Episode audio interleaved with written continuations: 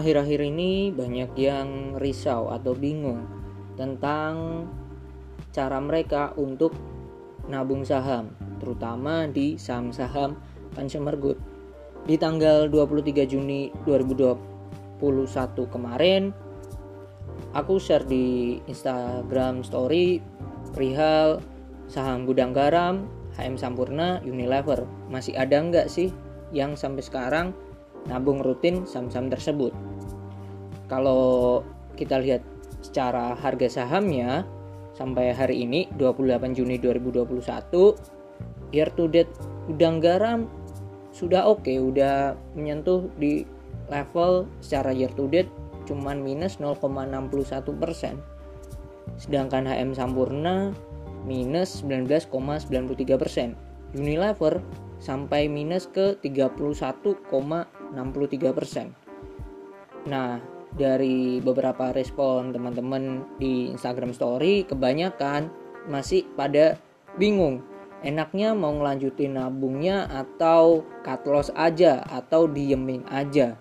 Nah, itu beberapa hal yang dibingungkan oleh beberapa temanku yang nge-reply story 23 Juni 2021.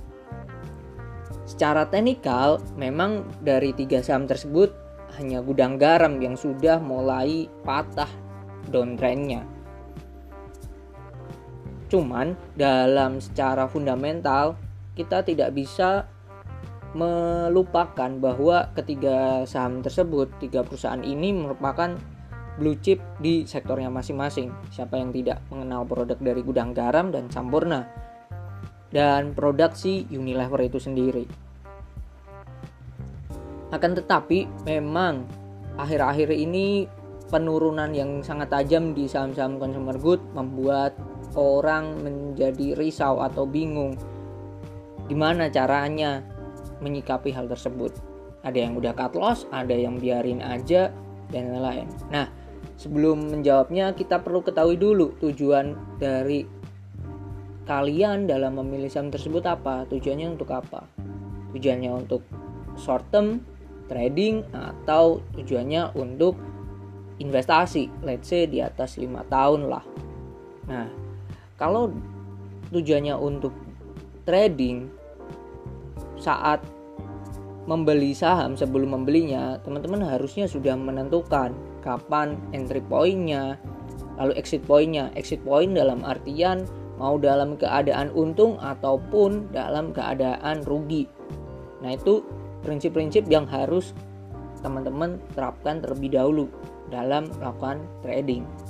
Begitupun juga ada prinsip-prinsip yang perlu kita ketahui juga dalam menentukan oh aku akan memilih saham ini untuk investasi kapan kita melakukan take profit, kapan kita cut loss.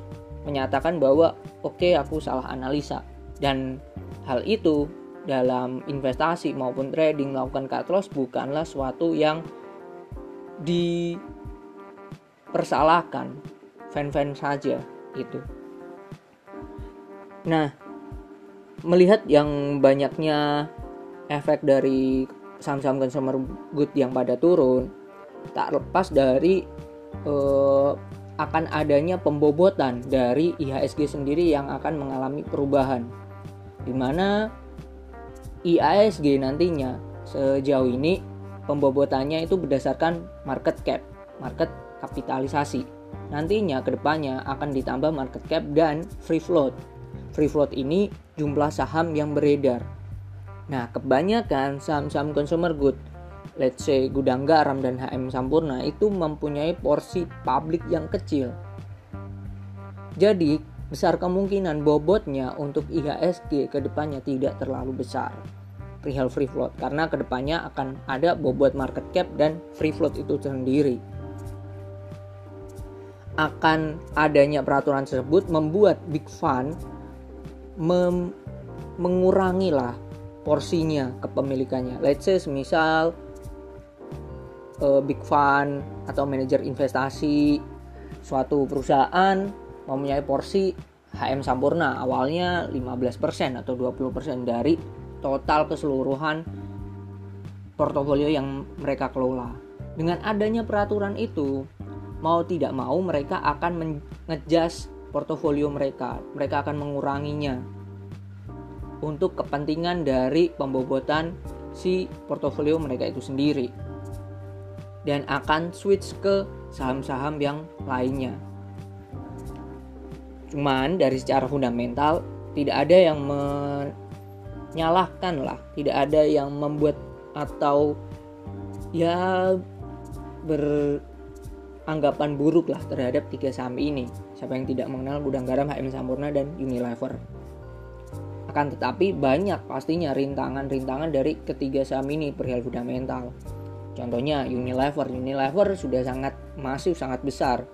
Nah, pertanyaannya adalah mampukah Unilever masih bisa growth, bertah bertumbuh lagi?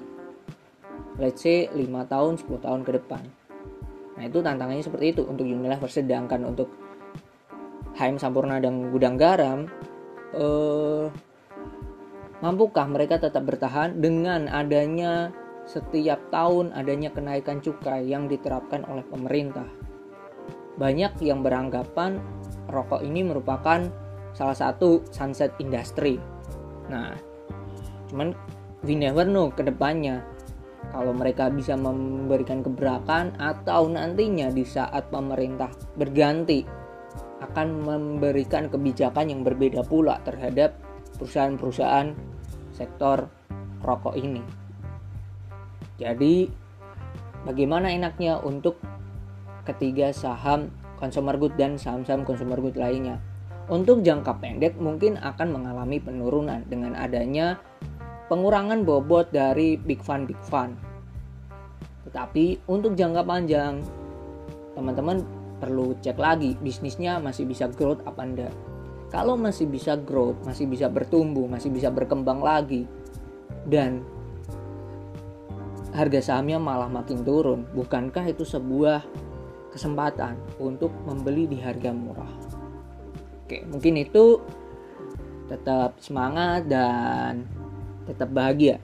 Semoga bisa membantu teman-teman semuanya.